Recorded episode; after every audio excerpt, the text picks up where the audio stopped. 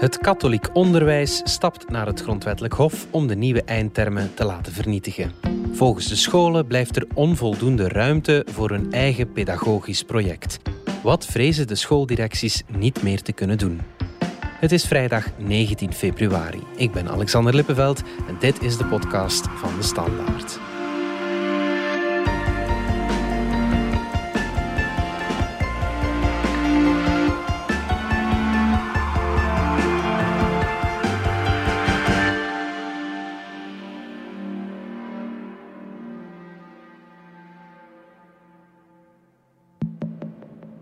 Hoeveel uur zou Kevin de Bruyne in de week keeperstraining krijgen. Dat is al wat wij doen.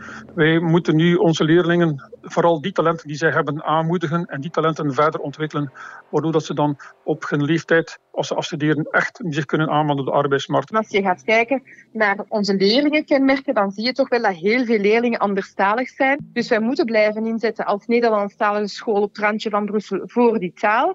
En als we het hele pakket wiskunde willen zien, dan ga ik daarvoor een beetje in ademnood. Eigenlijk zou elke school toch een aantal uren moeten hebben in de week waarop je zegt van kijk, we gaan binnen onze context van onze school op maat van onze eigen leerlingen zaken die wij belangrijk vinden met onze leerlingen echt aanpakken in die complementaire uren.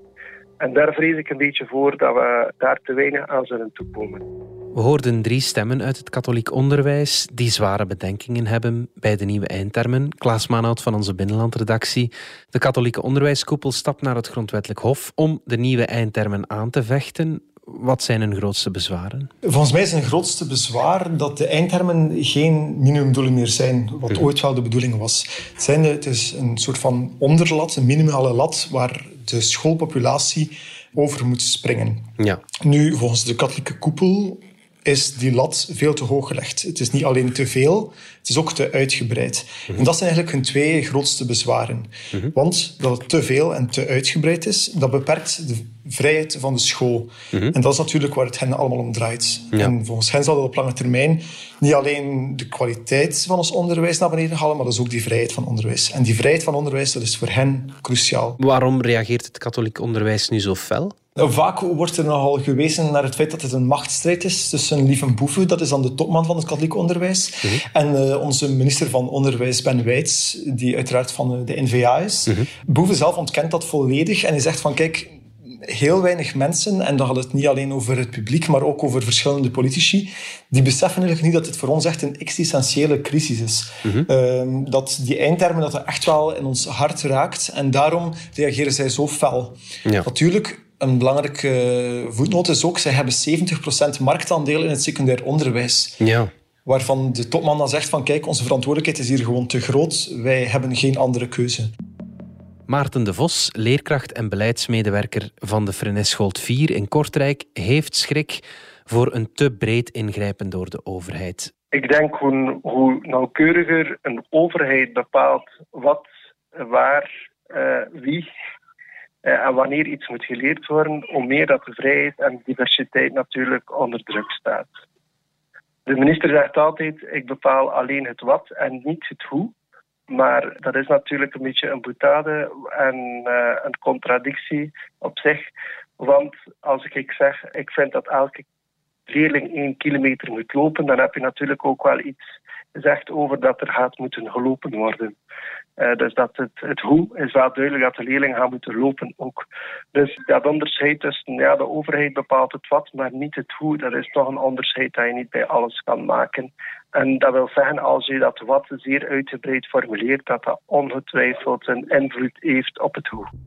Klaas, hebben de scholen een punt met hun kritiek? Dat is natuurlijk niet aan ons, maar het katholiek onderwijs kan wel schermen met het advies van de Raad van State. Mhm. dat, dat besprak eigenlijk dat uh, de eindtermen inderdaad wel minimumdoelen moeten zijn. En ze verwezen ook naar uh, de vorige eindtermen, dat was in 1996. En daar zeggen ze wel van, kijk, we mogen echt wel niet vergeten dat ze niet te uitgebreid moeten zijn. Mhm. De onderwijsvrijheid die ligt vast in de grondwet. En onderwijsverstrekkers die bepalen niet alleen hoe er lesgegeven wordt, maar bepalen ook wel een beetje over wat er precies in de klas gezien kan worden. Het katholiek onderwijs heeft vooral heel veel signalen gekregen van, uh, ik denk in de eerste plaats technische en beroepsscholen, die zeggen van kijk, voor ons is dit gewoon te veel. Mm wij leiden hier mensen op die heel vaak doorstromen naar de arbeidsmarkt. Als de lat hier hoger gelegd wordt. En dat betekent dan dat ze en meer moeten kennen over wiskunde en over bepaalde wetenschapsdingen. Ja, dan is er gewoon minder ruimte om nog praktijkvakken te geven, bijvoorbeeld. Sam Heijerik, de directeur van het VTI in Deinze, die vreest inderdaad erg voor de praktijkvakken in zijn school. Iemand die nu bouw- en houtkunde studeert, kan ook nog kiezen voor de studie van een praktische uitvoering over ofwel het in te vullen als een technisch vak of als een praktisch vak. In Deinze verkiezen we dat ook een stukje in te vullen als een praktisch vak. Met de nieuwe eindtermen zal dat niet meer mogelijk zijn. Dat betekent dat we in feite iemand die we nu theoretisch opleiden voor de bouw, dat die in zijn opleiding van secundair onderwijs niet meer de kans zou krijgen om ook iets praktisch uit te voeren. Met andere woorden, u leidt hier iemand op voor een bouw die niet de kans krijgt om ook een trivieel in handen te nemen. Wat niet vast is. Iemand die als schrijnwerker afstudeert, die zal zowel een raam kunnen maken, een raam kunnen plaatsen, ook een trap kunnen maken, een trap kunnen plaatsen, ook een badmeubel kunnen plaatsen. Terwijl als je dat bekijkt in de engheid van de specifieke opleiding die men nu voor ons ligt, moeten we echt keuzes maken. Het zal ofwel een schrijnwerker worden of het zal ofwel een meubelmaker worden. De combinatie van de twee wordt gigantisch moeilijk om dat nog te kunnen realiseren. Opnieuw door die engheid van de definitie van die specifieke uh, voorwaarden waarop we moeten aan voldoen. Maar niet alleen technische scholen maken bezwaren. Ook ASO-scholen vrezen dat ze onvoldoende tijd zullen krijgen om eigen accenten te leggen.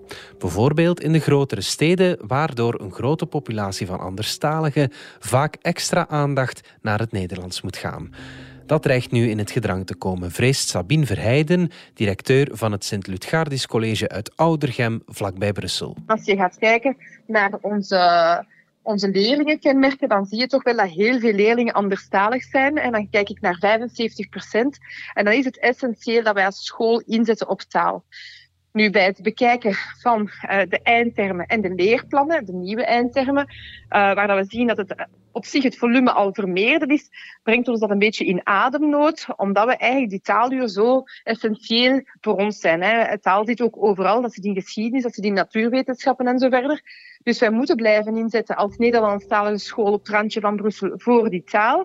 En als we het hele pakket wiskunde willen zien, uh, dan gaan we daarvoor een beetje in ademnood. En ook de Frenisscholen, waarvan een deel behoort tot de katholieke koepel, vrezen dat hun specifieke manier van lesgeven in het gedrang komt. Dat zegt Maarten de Vos. Typisch aan een Frenisschool is dat wij uh, tijd nemen om samen met de leerling mensen een uur per week samen te zetten, om na te denken over hoe dat we het schoolleven plannen, hoe dat zij hun studies plannen, hoe dat ze dingen aanpakken.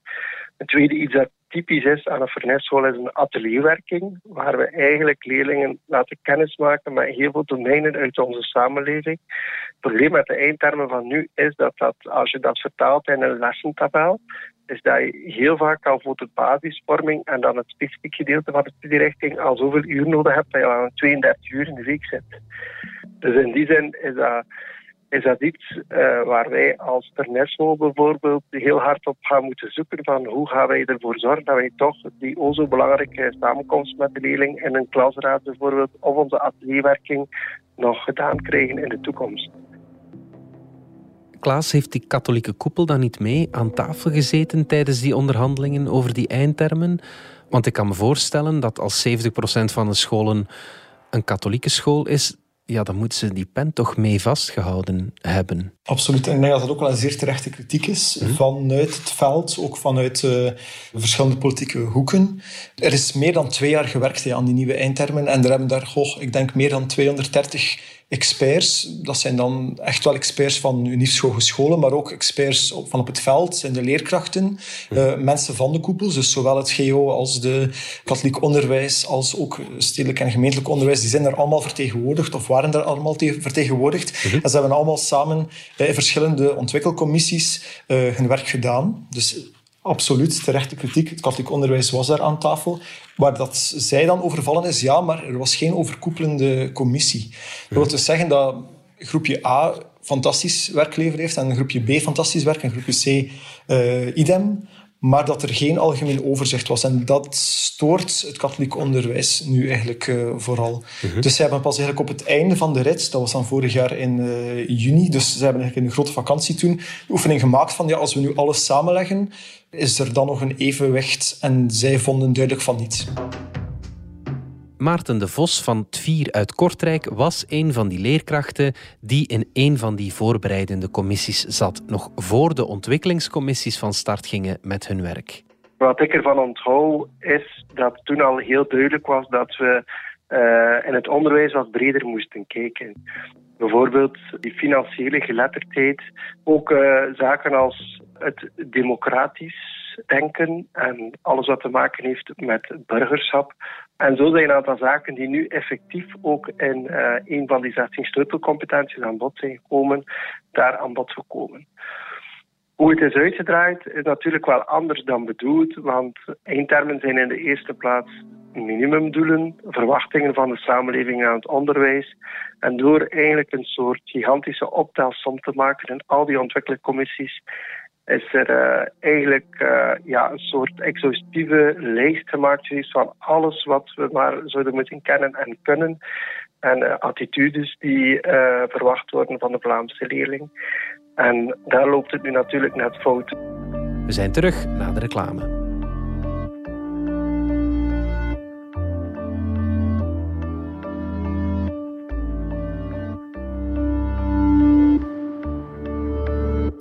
Niets is, alles wordt. Dat hadden de Grieken 2500 jaar geleden al begrepen. En dat is nog altijd zo. Vandaag wellicht meer dan ooit. Maar hoe vind je je weg in een wereld die almaar sneller verandert? Kennis is het beste kompas, weten we bij BNP Paribas Fortis. En kennis hebben we en delen we graag. Dat doen we ook in de podcast Stand van Zaken.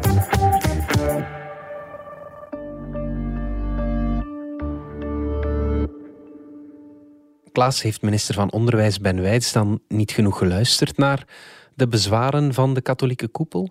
Dat is een zeer uh, terechte vraag, want uh, ja, het katholiek onderwijs heeft het laatste jaar verschillende keren wel gezegd van kijk, voor ons uh, is dit te veel en te uitgebreid. Dat was denk ik exact één jaar geleden al eens door uh, directeurs van technische en beroepsscholen, maar dat vanaf juni eigenlijk herhaaldelijk.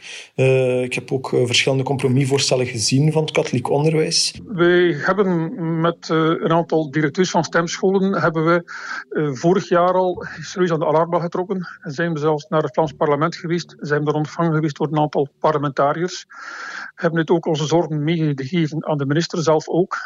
Dus de mensen wisten zeer goed, waren zeer op de hoogte, dat dit een mogelijk gevolg zou kunnen zijn van de keuze van de eindtermen. Ja, de vraag is natuurlijk, ja, kan de minister daar iets aan doen?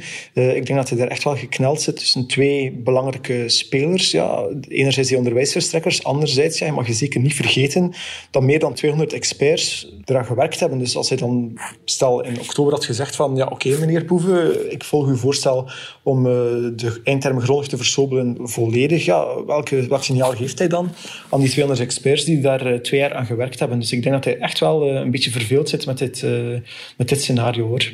Het gemeenschapsonderwijs sluit zich niet aan bij het verzet van het katholiek onderwijs.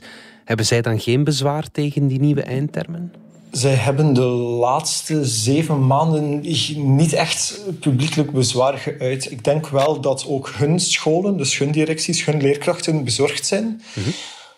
Ik heb ook al met enkele scholen gebeld en die zeggen ook wel van bij ons wordt dit ook wel moeilijk. Uh, maar ja, het is natuurlijk... Uh, ik denk dat voor het katholiek onderwijs is het existentiëler omdat zij veel meer belang hechten aan die, uh, aan die vrijheid, aan die pedagogische visie. het gemeenschapsonderwijs is daar iets ja. minder afhankelijk van, al is dat ook niet volledig waar. Mm -hmm. Zij hebben gezegd van kijk, we willen er wel voor gaan. Mm -hmm. Maar er is natuurlijk, ja, er zit op dat hele op die hele discussie zit er een enorme tijdsdruk. Hè, want uh, normaal gezien ja, moet de hervorming 1 september ingaan. Mm -hmm. Dat is heel logisch, want ze zijn daar twee jaar geleden mee gestart in het eerste middelbaar. Diezelfde leerlingen komen nu in het derde middelbaar. Ja. Het is heel logisch dat de filosofie of de leerlijn een beetje doorloopt. Dus die tijdsdruk zorgt ervoor dat er ook vaak uh, voor pragmatiek gekozen wordt. En hoe gaat het nu verder? Ja, dat is natuurlijk uh, wat heel veel uh, scholen en leerkrachten zich afvragen, ook ouders denk ik. Naar ik vernomen heb, heeft het katholiek onderwijs nu drie maanden de tijd om uh, naar het grondwettelijk hof te stappen.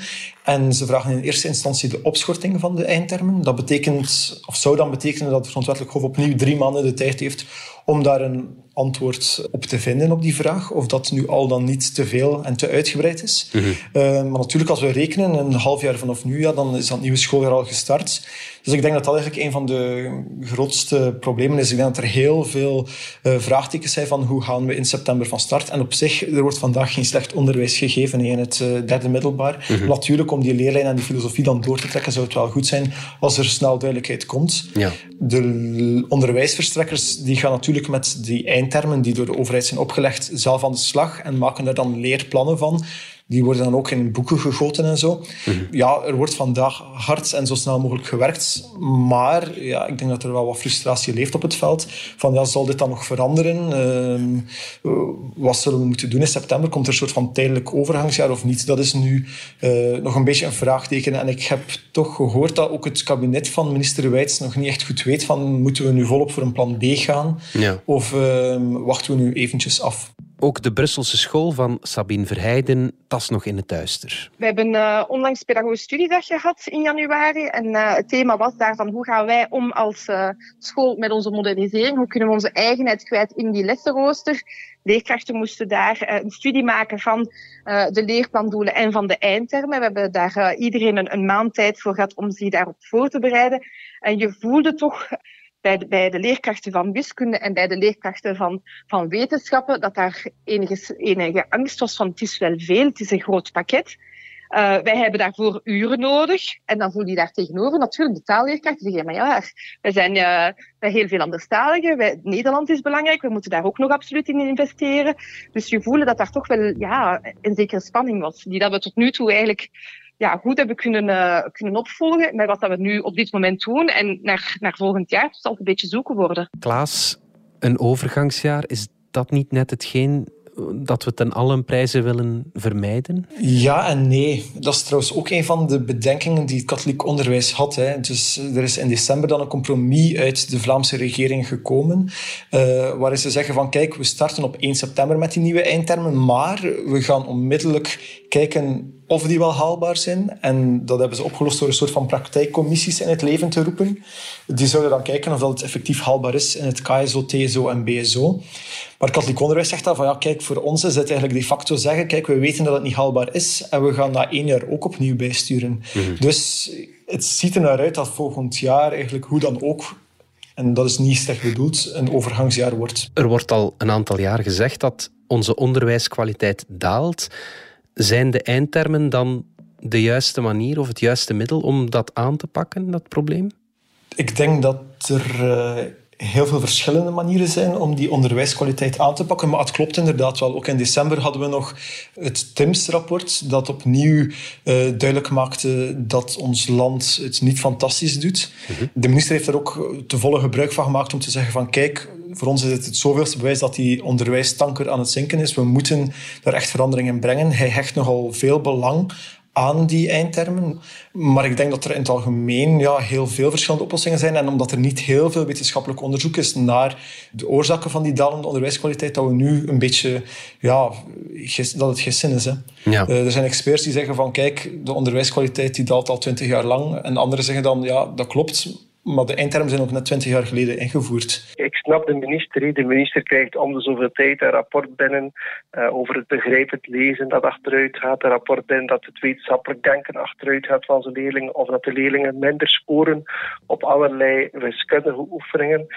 Um, dat is verontrustend. Ik krijg daar ook veel kritiek over. Dat is ook al iets dat de laatste tien jaar gaande is. Maar de vraag is of dat die eindtermen en, en dit soort uh, paternalisme die situatie gaan omkeren. Ik durf te voorspellen dat het misschien anders zal uitdraaien. En uh, dat dat door die, die grote druk en door uh, autonomie weg te nemen bij de scholen, dat er net minder op maat zal kunnen gewerkt worden en dus dat minder leerlingen die hogere lat zullen bereiken. Dus ik heb daar toch mijn twijfels bij, uh, bij dat soort paternalisme. Die tanker van het onderwijs, zoals je zegt, Klaas, die is niet snel gekeerd natuurlijk. Nee, absoluut. En dat is ook wel uh, wat de minister zelf beseft hoor. Ik denk dat hij niet hoopt dat dit een wondermiddel is en dat we binnen twee jaar opnieuw wereldtop zijn. Maar dat is echt wel heel lang. En ik denk dat iedereen ervan overtuigd is dat dit een zeer lang proces is. Waar jaren en jaren aan gewerkt zal moeten worden. Hè. Op heel veel verschillende manieren. Mhm. Oké, goed. Klaas Maanhout, dankjewel. Dank wel, Alexander. Dit was de podcast van De Standaard. Bedankt voor het luisteren. Reageren kan via podcast.standaard.be. Alle credits vind je op standaard.be-podcast. Maandag zijn we opnieuw.